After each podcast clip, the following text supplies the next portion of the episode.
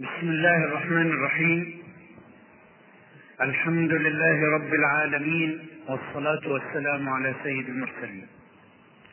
أبنائي وإخوتي السلام عليكم ورحمة الله وبركاته. حين أدعى للحديث عن الأدب فإنني أقدم الحديث بمقدمة أراها ضرورية بالنسبة لشخصي. فأنا متهم بأنني أحد المشتغلين بالأدب وهي تهمة لا أنفيها ولكني أقول فقط إن هذا كان في الماضي. كانت لي اهتمامات وكان لي بحوث في الأدب من بينها كتاب بعنوان منهج الفن الإسلامي. ولكني أشهدكم أنني شغلت عن الأدب. مشغلة كبيرة وأصبح الأدب بالنسبة لي ذكرى ماضية ومتابعة من بعيد. وحين أقول للناس إنني طلقت الأدب لا يصدقون ولكني أقولها صادقا فإن صلتي بالأدب هي صلة الذكرى وصلة الماضي. ولكني مع ذلك حين أدعى للحديث عن الأدب الإسلامي لا أستطيع أن أتأخر لأنها قضية من قضايا الدعوة. ولا تستطيع الدعوة أن تستغني عن هذا الميدان فهو من ميادينها الأصيلة وإذا كان أعداؤنا أعداء الإسلام يستخدمون الأدب لمهاجمة المفاهيم الإسلامية والتصورات الإسلامية والأخلاقيات الإسلامية والسلوك الإسلامي فنحن حريون أن نستخدم الأدب في عرض الإسلام وفي الدعوة إلى الإسلام وفي محاربة الأفكار الهدامة التي تجيئنا عن طريق الغزو الفكري تحاول تحطيم عقائدنا وتحطيم شخصيتنا الإسلامية. لذلك فإني أستجيب حين أدعى للحديث عن الأدب الإسلامي ولكني أحذركم ابتداء من أن بعدي الطويل عن ميدان الأدب قد يجعلني خارج الدائرة. فأنا أتحدث بما في نفسي. فإن وجدتم فيه زادا فهذا من فضل الله. وإن وجدتم أنني ضيعت جزءا من وقتكم بلا طائل فأستغفر الله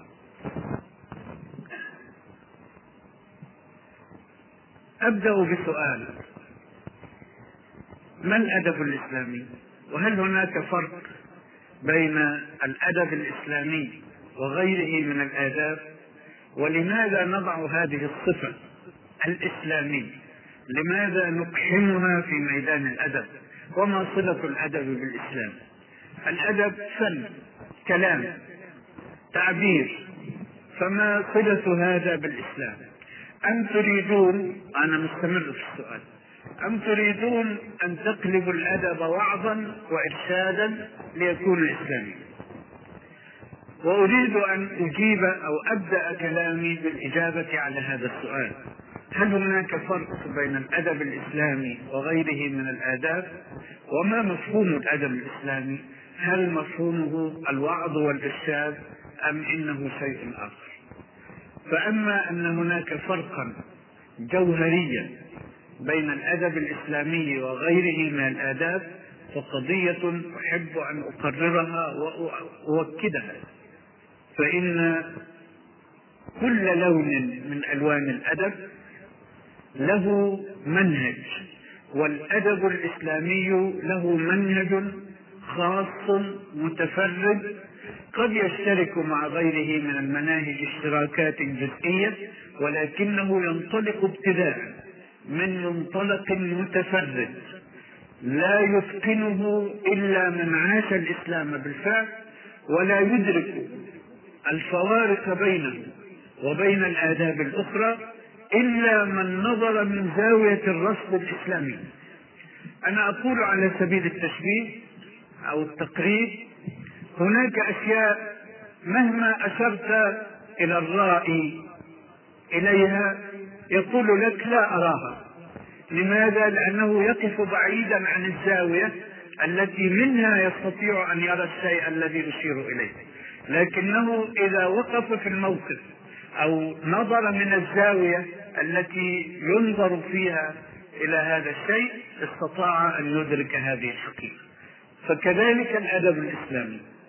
من لم يمارس الإسلام شعورا وفكرا وسلوكا من لم تكن تصوراته هي تصورات الإسلام وعقيدته هي عقيدة الإسلام وسلوكه هو سلوك الإسلام سيقف حائرا أمام هذه القضية يسأل ما الفرق بين الأدب الإسلامي وغيره من الآداب وكيف يكون الأدب إسلاميا كيف يكتسب هذه الصفة. لكن الذي يعيش الإسلام حقيقة لا وراثة. وهذه نقطة مهمة. فإننا في حياتنا الحديثة صار كثير منا كأنه ورث الإسلام وراثة أي أنه لا يمارسه حقيقة لا يعيش به فكره وسلوكه وتصوراته ومشاعره إنما هو تراث الآباء والأجداد. وقد حذرنا الله من أن يتحول ديننا أو كتابنا إلى تراث مجرد تراث لأنه قال عن بني إسرائيل وفي عرض مطول عن بني إسرائيل تحذيرا للأمة الإسلامية فخلف من بعدهم خلف ورث الكتاب. يعني أخذوه وراثة. يعني لا ينظرون إليه على أنه كتابهم الملزم لهم الذي فيه منهج حياتهم الذي ينطلقون من أوامره ونواهيه إنما هو تراث تراث الآباء والأجداد. كان آباؤهم وأجدادهم يعيشون في ظل ذلك الكتاب. فخلف من بعدهم خلف ورثوا الكتاب. وكلمة خلف في اللغة العربية معناها الخلف السيء يعني حين يقال خلف لا يقصد به أي خلف لكن يقصد به الخلف السيء فخلف من بعدهم خلف ورثوا الكتاب. يأخذون عرض هذا الأدنى يعني مشغولون بعرض الحياة الدنيا ويقولون سيغفر لنا. هذا الذي وقع من بني إسرائيل وجاء في كتاب الله تحذيرا للأمة الإسلامية لكي لا تقع فيه وقعت فيه الأمة مع الأسف فتحولت أجيال من المسلمين إلى إسلام تقليدي. وموقفها من الكتاب المنزل هو أنه تراث ورثوا الكتاب. لا يعيشونه واقعا لا يمارسون الحياة من خلاله عندئذ تغيب عليهم أو تغيب عنهم كثير من المفاهيم الإسلامية ويقفون في التين لا يستطيعون أن يميزوا بين ما هو إسلامي وبين ما هو غير إسلامي ولا يعرفون هذه الصبغة التي اصطبغ بها دين الله صبغة الله ومن أحسن من الله صبغة. لذلك أقول إنه لكي يتبين لنا الفارق الجوهري بين الأدب الإسلامي وغيره من الآداب ينبغي لنا أن نعيش الإسلام بالفعل. لا على أنه تراث الآباء والأجداد بل على أنه حياتنا حياتنا اليومية حياتنا اللحظية. كل لحظة من حياتنا نعيشها إسلاما. فنكون بذلك مقتدين. بالجيل الأول رضوان الله عليه الذي وصفه الله في كتابه المنزل في قوله تعالى أعوذ بالله من الشيطان الرجيم. إن في خلق السماوات والأرض واختلاف الليل والنهار لآيات لأولي الألباب الذين يذكرون الله قياما وقعودا وعلى جنوبهم يعني في جميع أحوالهم. هكذا كان ذلك الجيل الفن يذكر الله في جميع أحواله يذكره باللسان ويذكره بالقلب ويذكره بالفكر ويذكره بالسلوك ويذكره بالعمل. مما لا يتسع له المقام الليلة لكني لابد أن أشير إلى الذكر المذكور في الآية الذي ينتهي بقوله تعالى فاستجاب لهم ربهم هؤلاء الذاكرون المتدبرون المتفكرون المتضرعون إلى الله فاستجاب لهم ربهم أني لا أضيع عمل عامل منكم من ذكر أو أنثى بعضكم من بعض. فالذين هاجروا وأخرجوا من ديارهم وأوذوا في سبيلي وقاتلوا وقتلوا لأكفرن عنهم سيئاتهم ولأدخلنهم جنات تجري من تحتها الأنهار ثوابا من عند الله والله عنده حسن الثواب. هكذا كان ذلك الجيل يعيش حياته كلها بالإسلام تحقيقا لقوله تعالى قل إن صلاتي ونسكي ومحياي ومماتي لله رب العالمين لا شريك له. عندئذ كان كل شيء يصدر عنه اسلامي سياستهم اسلاميه اقتصادهم اسلامي اجتماعهم اسلامي سلوكهم إسلامي أدبهم كذلك بالتالي أدب اسلامي حين غابت الأمة عن المنهج المنهج الرباني ولم تعد تعيش به إلا لحظات خاطفة حين قيل إليها أن الإسلام هو الشعائر التعبدية وأن من قام بالشعائر فقد أدى العبادة ولم يعد لسائل أن يسأله من مزيد. أديت العبادة صليت صمت زكيت حجيت ماذا تريد مني فوق ذلك؟ المراد أكبر من ذلك بكثير فالآية القرآنية تشير إلى النسك قل إن صلاتي ونسكي أي الشعائر التعبدية ومحياي ومماتي. ليس فقط حياتي بل مماتي أيضا لله رب العالمين. وكيف يكون الموت لله رب العالمين؟ يكون بأن يموت الإنسان وهو على طاعة الله. فلا تموتن إلا وأنتم مسلمون. عندئذ يكون الموت لله في أدنى درجاته. أما في أعلى درجاته فهو حين يهب حياته في سبيل الله فيكون موته لله في أعلى الدرجات هكذا تكون ممارسة الإسلام. وحين نعيش بهذه المشاعر حين نمارس الإسلام فعلا يصدر عنا تلقائيا أدب الإسلام. لأننا نكون آه، مشغولين بممارسة الإسلام في كل لحظة وفي كل عمل والأدب نوع من النشاط الإنساني الصادر من أعماق القلب وما دام القلب مسلما مؤمنا يعيش بالإسلام فإنتاجه سيكون اسلاميا بالطبيعه لا يمنعنا هذا هذا التعريف المبدئي من أن نتكلم عن سمات الأدب الإسلامي أو مقوماته لأنه يتبادر إلى ذهن كثيرين حين نقول الأدب الإسلامي أنه أدب الوعظ والإرشاد.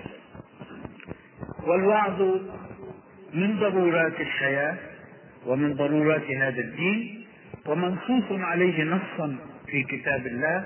ادعو إلى سبيل ربك بالحلو وأكرر في كل مناسبة أن الوعظ وحده ليس هو الطريق وأن محمدا صلى الله عليه وسلم أحب خلق الله إلى أصحابه وأحب الناس في التاريخ كله إلى أصحابه.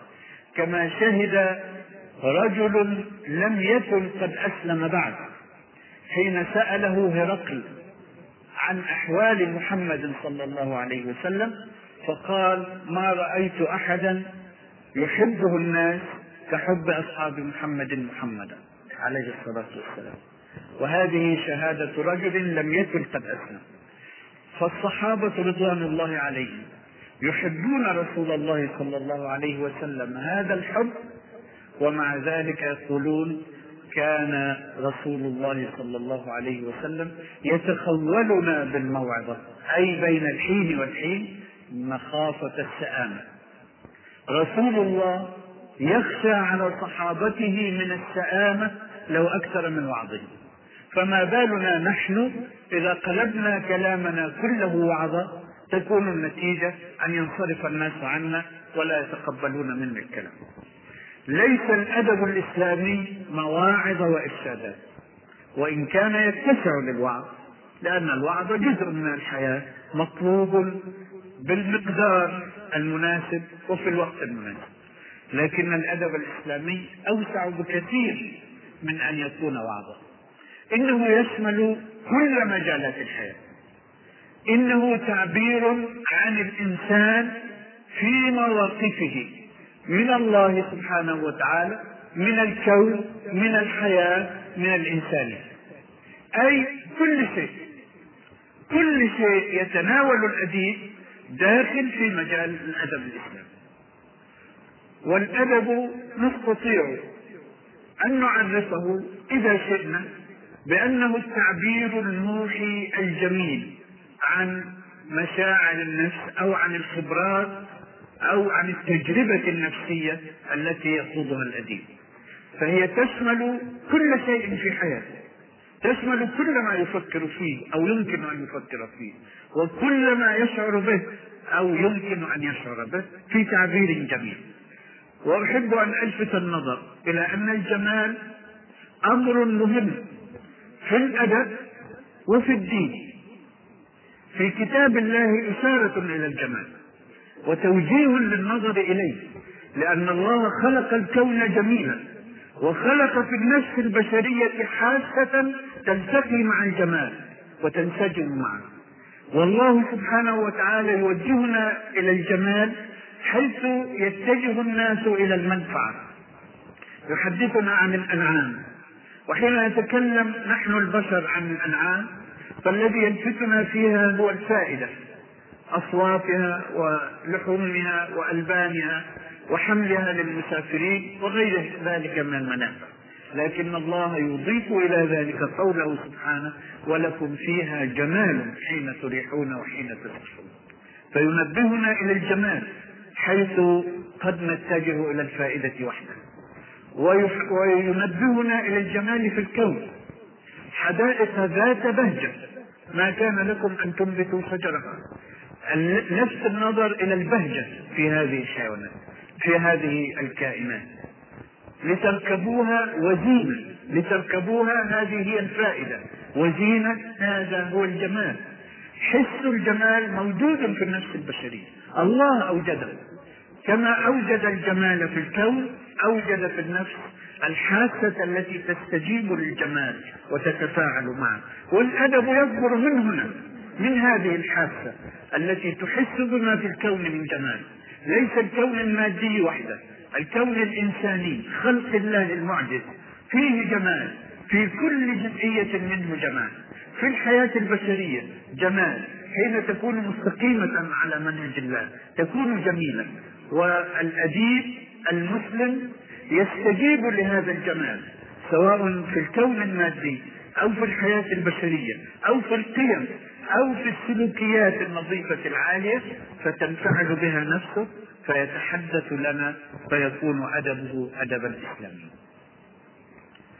أكتفي بهذا بالنسبة لهذه النقطة أن الأدب الإسلامي ليس وعظا وإرشادا إنما هو أوسع من ذلك بكثير هو شيء يتسع للحياة كلها بجميع مجالاتها بكل ما يخطر في القلب البشري من خواطر وكل ما يتسع له هذا القلب من تجارب وخبرات إذا اصطلحنا على هذا واتفقنا عليه فما الفرق بين الأدب الإسلامي وغيره؟ لأن غيرنا من الأدباء في الغرب أو في الشرق قد يعرفون الأدب نفس التعريف. قد يقولون إنه التعبير عن انفعال الكائن البشري بالكون من حوله بكائناته المادية والحية والبشرية. ما الفرق إذا بين الأدب الإسلامي وغيره؟ إذا التقت جميعها نفترض يعني أنها التقت جميعها في هذا التعريف. الفارق في المنطلق. الفارق في التصورات. ولنأخذ في سرد بعض الأمثلة التي تشرح لنا الفارق في المنطلق بين الأديب المسلم وغيره من الأدباء. أختار على على سبيل المثال مجرد مثال فكرة المأساة في الأدب اليوناني التي ورثتها الآداب الأوروبية. كيف تنشأ المأساة؟ في حس الشاعر اليوناني القديم وانتقل هذا الحس إلى أجيال من الأدباء الغربيين فصاروا يتحدثون عن المأساة في الحياة البشرية كحديث أجدادهم من الإغريق. لكي تتصوروا معي منطلق الأديب اليوناني أو الشاعر اليوناني في تصويره للمأساة أحب أن أعرض لكم أسطورة من أساطير اليونان لتضحكوا إن شئتم ولكنها جادة في أنها شكلت تصورا كاملا للإغريق وللأوروبيين من بعد ورثة الإغريق. فالأوروبيون كما يقولون عن أنفسهم هم ورثة الحضارة الإغريقية والحضارة الرومانية اسمحوا لي أن أقول على مسؤوليتي هم ورثة الجاهلية الإغريقية والجاهلية الرومانية. في الجاهلية الإغريقية أسطورة تسمى أسطورة بروميثيوس سارق النار المقدسة. تقول هذه الأسطورة وأنا معني بها لأنها بشهادة مفكريهم ما تزال في اللاشعور الأوروبي حتى هذه اللحظة تشكل موقفهم من الإله ومن الدين. تقول هذه الأسطورة إن زايوس إله الآلهة خلق الإنسان من قبضة من طين الأرض. وهذا كما ترون فيه حق ولكن الأسطورة حرفته. الله سبحانه وتعالى خلق الإنسان من قبضة من طين الأرض. وأسطورتهم تقول إن زايوس كبير الآلهة خلق الإنسان من قبضة من طين الأرض وسواه على النار المقدسة بدلا من النفخة الروحية في قبضة الطين. إذ قال ربك للملائكة إني خالق بشرا من طين فإذا سويته ونفخت فيه من روحي فقعوا له ساجدين. تقول أسطورتهم إن إلههم زايس سواه على النار المقدسة. والنار المقدسة في الأسطورة ترمز إلى المعرفة ثم أهبطه إلى الأرض وحيدا في الظلام. تشير الأسطورة إلى جهل الإنسان حين هبط إلى الأرض.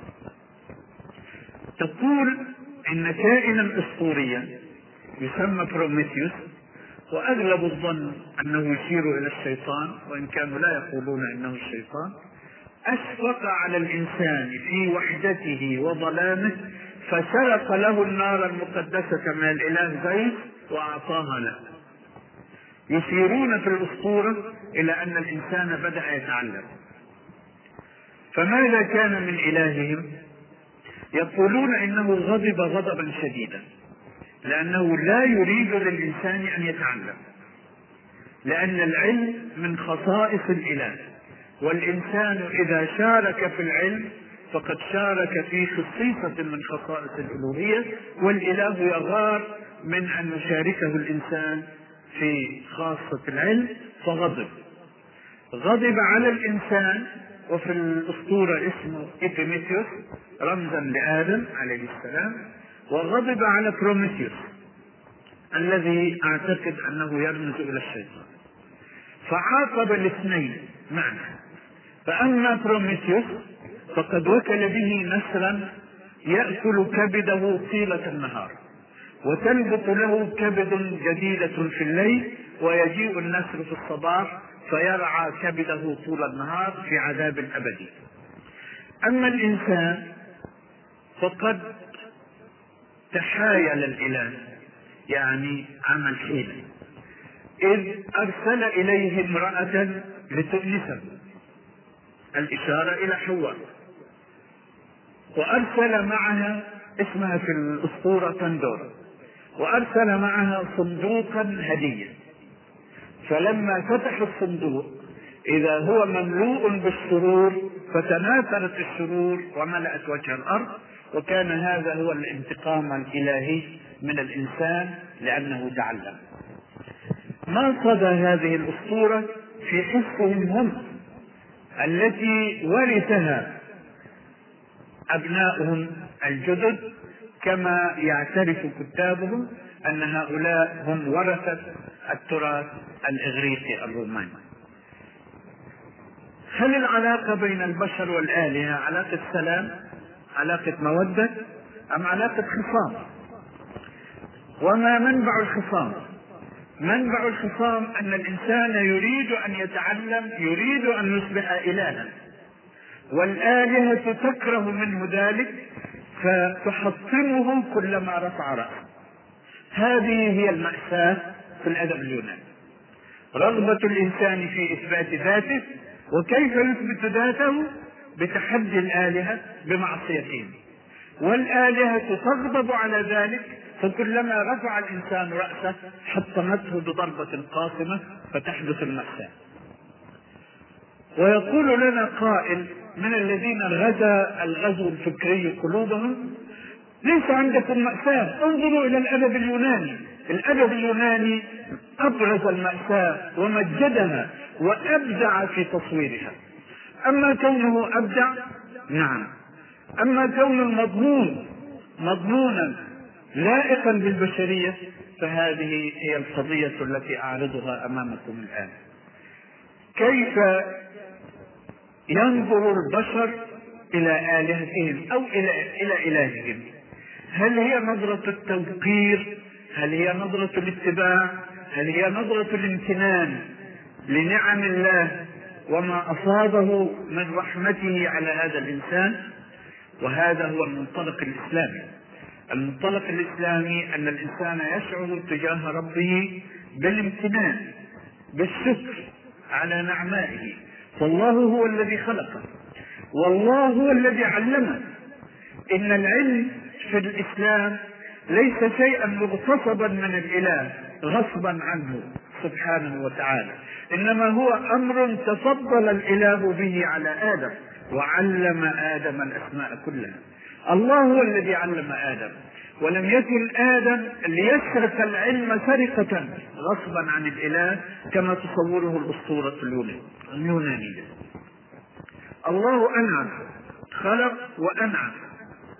أنعم على الإنسان بالسمع والبصر والأفئدة وهذا مما يمن الله به على عباده مكررا في كتاب الله. قل هو الذي أنشأكم وجعل لكم السمع والأبصار والأفئدة. وهذه أدوات الخلافة في الأرض لأنه ابتداء خلقه ليكون خليفة. لم يخلقه ليعذبه لم يخلقه ليتركه في الظلام وحده إنما خلقه ليكون خليفة. وإذ قال ربك للملائكة إني جاعل في الأرض خليفة. والخليفة ايا كان معناها واختلاف المفسرين فيها فهي تعني الهيمنة والسيطرة والعمارة والبناء والتشييد. والله سبحانه وتعالى إذ خلقه خليفة أمده بما يعينه على الخلافة ومن بينها السمع والبصر والأفئدة. والفؤاد في اللغة العربية كلمة واسعة المعنى تفيد القوة الواعية، القوة المدركة، القوة الضابطة عند الإنسان وهي من آثار نفخة الروح في قبضة الدين. وهكذا يشعر المسلم أن الله قد من عليه ويشعر بالامتنان للمنعم سبحانه وتعالى وبالشكر له على ما أنعم ويجد نفسه أي الإنسان المسلم في طاعة الله كلما أطاع الله أحس أنه موجود وأحس أنه رفيع وأنه عال وأنه طيب وأنه متمتع بالكرامة التي كرمها الله لبني آدم. ولقد كرمنا بني آدم وحملناهم في البر والبحر ورزقناهم من الطيبات وفضلناهم على كثير ممن خلقنا تفضيلا قارن بين هذا الشعور الذي ينطلق منه المسلم في حياته كلها شعور الامتنان لله سبحانه وتعالى والشكر على نعمائه وذلك المنطلق المنحرف الذي يجعل الإنسان لا يحقق ذاته إلا بعصيان الإله. إنه شعور منحرف مرتين. فأما الأولى فهل رأيتم إلى الطفل الصغير في فترة من فترات عمره حين يبدأ يثبت شخصيته. تمد له يدك فينحي يدك يريد أن يسير بمفرده. أنت تريد أن تعاونه ولكنه يريد أن يشعر بذاته. فيبعد عن يدك ليقول لك لقد صرت كبيرا لم أعد في حاجة إلى معاونتك. هذا على أي حال طفل سوي. لكن الطفل المنحرف في هذه الفترة وهي فترة تبدأ من الخامسة السادسة مع اختلاف بين الأطفال المختلفين. الطفل المنحرف إذا أمرته أمرا يقول لك لا ويعاند ليثبت ذاته ووسيلته إلى إثبات ذاته المنحرفة أن يعصي أوامره. انظروا مرة أخرى إلى الأسطورة إنها تمثل طفولة البشرية ولكنها تمثلها طفولة منحرفة تريد أن تثبت ذاتها بعصيان أوامر الله. ما أبعد المنطلق بين الأدب بين منطلق الأديب المسلم ومنطلق الأديب غير المسلم؟ من أول لحظة شعوره نحو الألوهية مختلف تماما وبناء على ذلك يختلف موقفه من الكون والحياة والإنسان فكلها مرتبط بهذه القضية الكبرى. والتصورات والمشاعر والأفكار والسلوك كلها ترتبط بموقف الإنسان من الله سبحانه وتعالى. فما أبعد المنطلق بين الأديب المسلم والأديب غير المسلم. هل في أدبنا مأساة؟ نعم المأساة جزء من حياة البشر في الأرض. هكذا قدر الله. لقد خلقنا الإنسان في كبد. يا أيها الإنسان إنك كادح إلى ربك كدحا فملاقيه. وأحيانا يكون يتخذ هذا الكبد أو الجهد الذي يبذله الإنسان صورة المأساة. حين لا ينجح الإنسان في عمره المحدود في الوصول إلى هدفه. لكن ما الذي يعيقه؟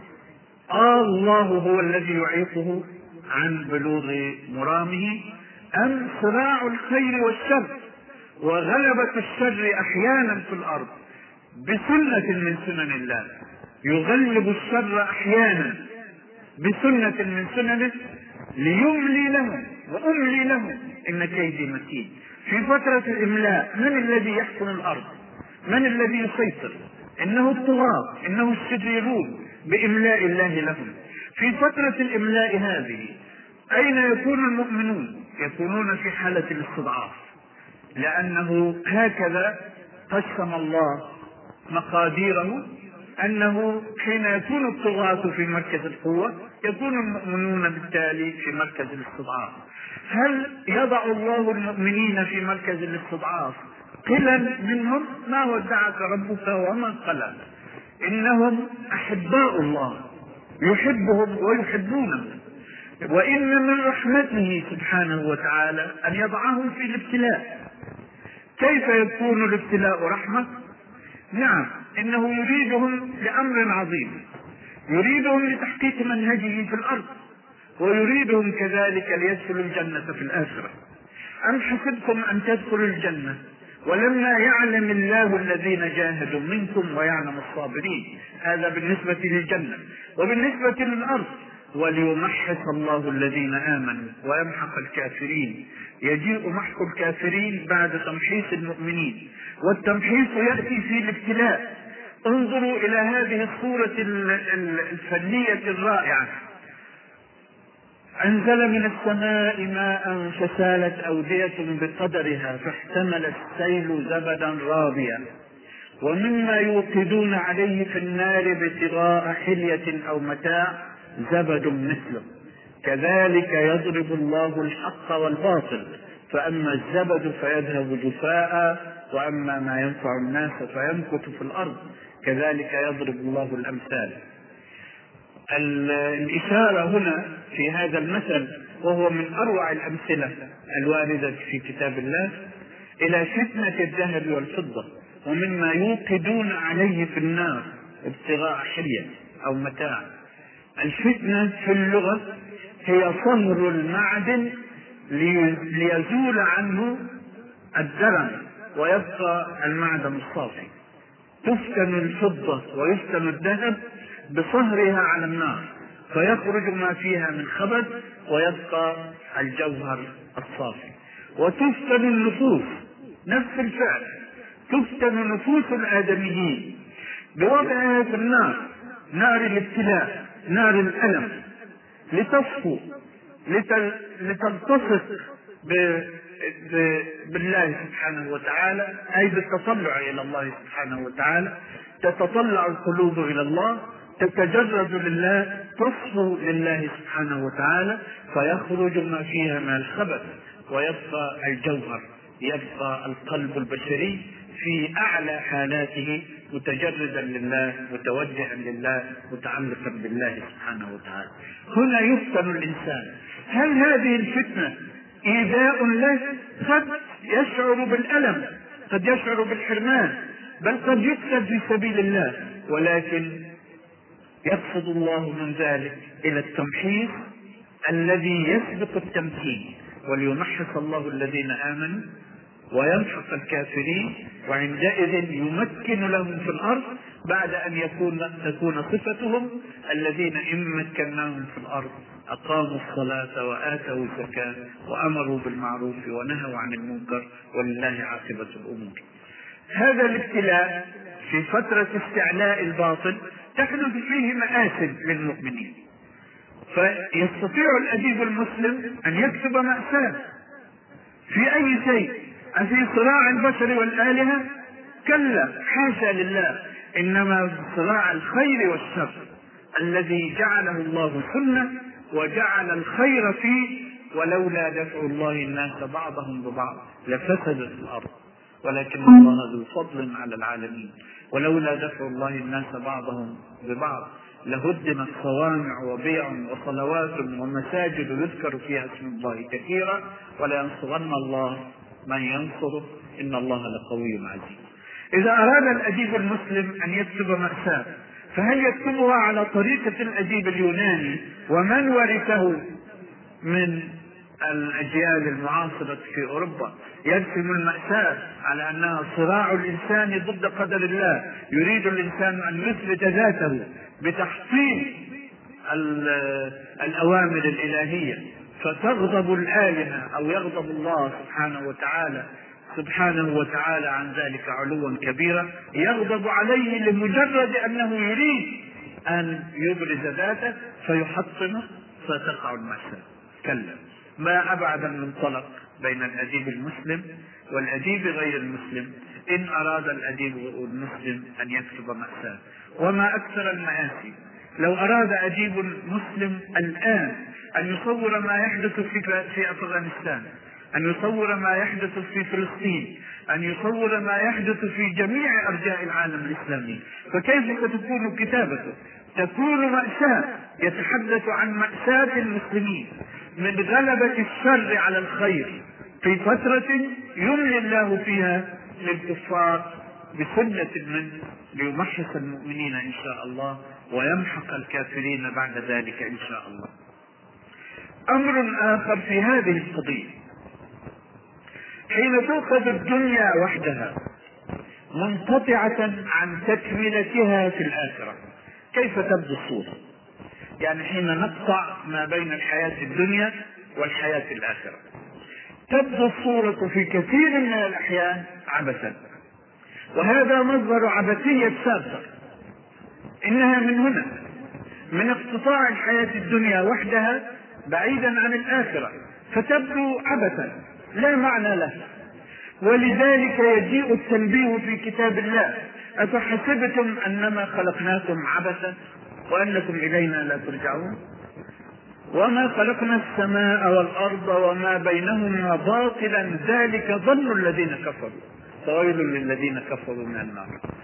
ينظر غير المؤمن إلى الحياة البشرية فيراها عبثا. لا معنى له. لأنه يرى الشر غالبا في الأرض ويرى الخير مغلوبا في كثير من الأحيان ويرى أوضاعا مقلوبة يرى الظالمين في مناصب القوة والمظلومين هم الشعوب حين يقطع هذه الصورة عن تكملتها الطبيعية التي تتم في الآخرة يظن أن الحياة عبث. لا معنى له فإما أن يعبر عن العبثية كما عبر عنها سارتر في عبثياته وإما أن يقول كما قال شاعر جاهلي معاصر جئت لا أعلم من أين ولكني أتيت ولقد أبصرت قدامي طريقا فمشيت. بالله عليكم أسألكم ما الفرق بين هذا الشاعر وبين أي سائمة سائرة في الطريق. السائمة جاءت لا تعلم من أين ورأت أمامها طريقا فمشت فيه. إنه يعبر عن حيرة الجاهلية المعاصرة. تعبيرا من الناحية الفنية جميل لكن ما المضمون؟ المضمون هو عبثية الحياة. لماذا صارت في حسه عبثا؟ لأنه لا يرى الآخرة. لأنه اقتطع الحياة الدنيا وحدها فلم تعد الصورة منضبطة. خذ شكلا بشريا ثم اقطع رأسه. هل يصبح هو ذلك البشر؟ أو اقطع من وجهه نصفه. وارسمه بعين واحدة وأذن واحدة ونصف فم ونصف لسان. هل هذا هو الإنسان؟ كذلك الحياة. حين تقتطع ويؤخذ منها جانب الحياة الدنيا منفردا وحده منقطعا عن تكملته الطبيعية في الآخرة لا يبدو له معنى. ويصبح عبثا في حس صاحبه فينطلق يعبر عن العبث. الأديب المسلم لا يحس بالعبث في خلق الله ولا يتكلم عن العبث لأنه يعلم يعلم أن هناك يوما آخر تكمل فيه الصورة. والإشارة في كتاب الله دائما إلى هذا. أفحسبتم أنما خلقناكم عبثا وأنكم إلينا لا ترجعون؟ التكملة التي تمنع العبث تمنع فكرة العبث هي الرجعة إلى الله. حين يرجع الإنسان إلى الله حين يبعث الله عباده ويحاسبهم على ما فعلوا فيجزي المحسن بإحسانه والمسيء بإساءته عندئذ تكتمل الصورة وهذا هو الذي أشارت إليه الآيات التي ذكرتها في مبدأ حديثي من أولئك الذين يذكرون الله قياما وقعودا وعلى جنوبهم. تقول الآية الذين يذكرون الله قياما وقعودا وعلى جنوبهم ويتفكرون في خلق السماوات والأرض. ربنا ما خلقت هذا باطلا. إنهم يؤمنون بأن الله خلق السماوات والأرض بالحق. فينتهي بهم تفكيرهم إلى أن الحياة الدنيا ليست هي نهاية المطاف. لأنها لو كانت نهاية المطاف لا يحق الحق. ونحن نرى الظلم يملأ وجه الأرض. ونرى تصوروا معي الأدب الذي ينطلق من هذا المنطلق. أن الحياة ليست عبثا. ما خلقت عبثا وما فيها مجال للعبث. وبين الأديب الذي يقطع صلة الحاضر بالمستقبل يقطع صلة الحياة الدنيا بالآخرة فيرى الكون عبثا والحياة عبثا ولا غاية لها وينطلق يعبر كما يحلو له عن العبثية وعن الضياع. حين يفكر الإنسان المسلم في غاية وجوده. لما خلق؟ شاعرنا الجاهلي المعاصر هو ايليا أبو مر هو الذي قال جئت لا أعلم من أين ولكني أتيت ولقد ابصرت قدامي طريقا فمشيت حين ينظر هذا الشاعر إلى الحياة الدنيا منقطعة عن الآخرة منقطعة عن الخالق الذي خلق السماوات والأرض بالحق حين يصل إلى عبثية الحياة. هل تراه يؤمن بالتلقين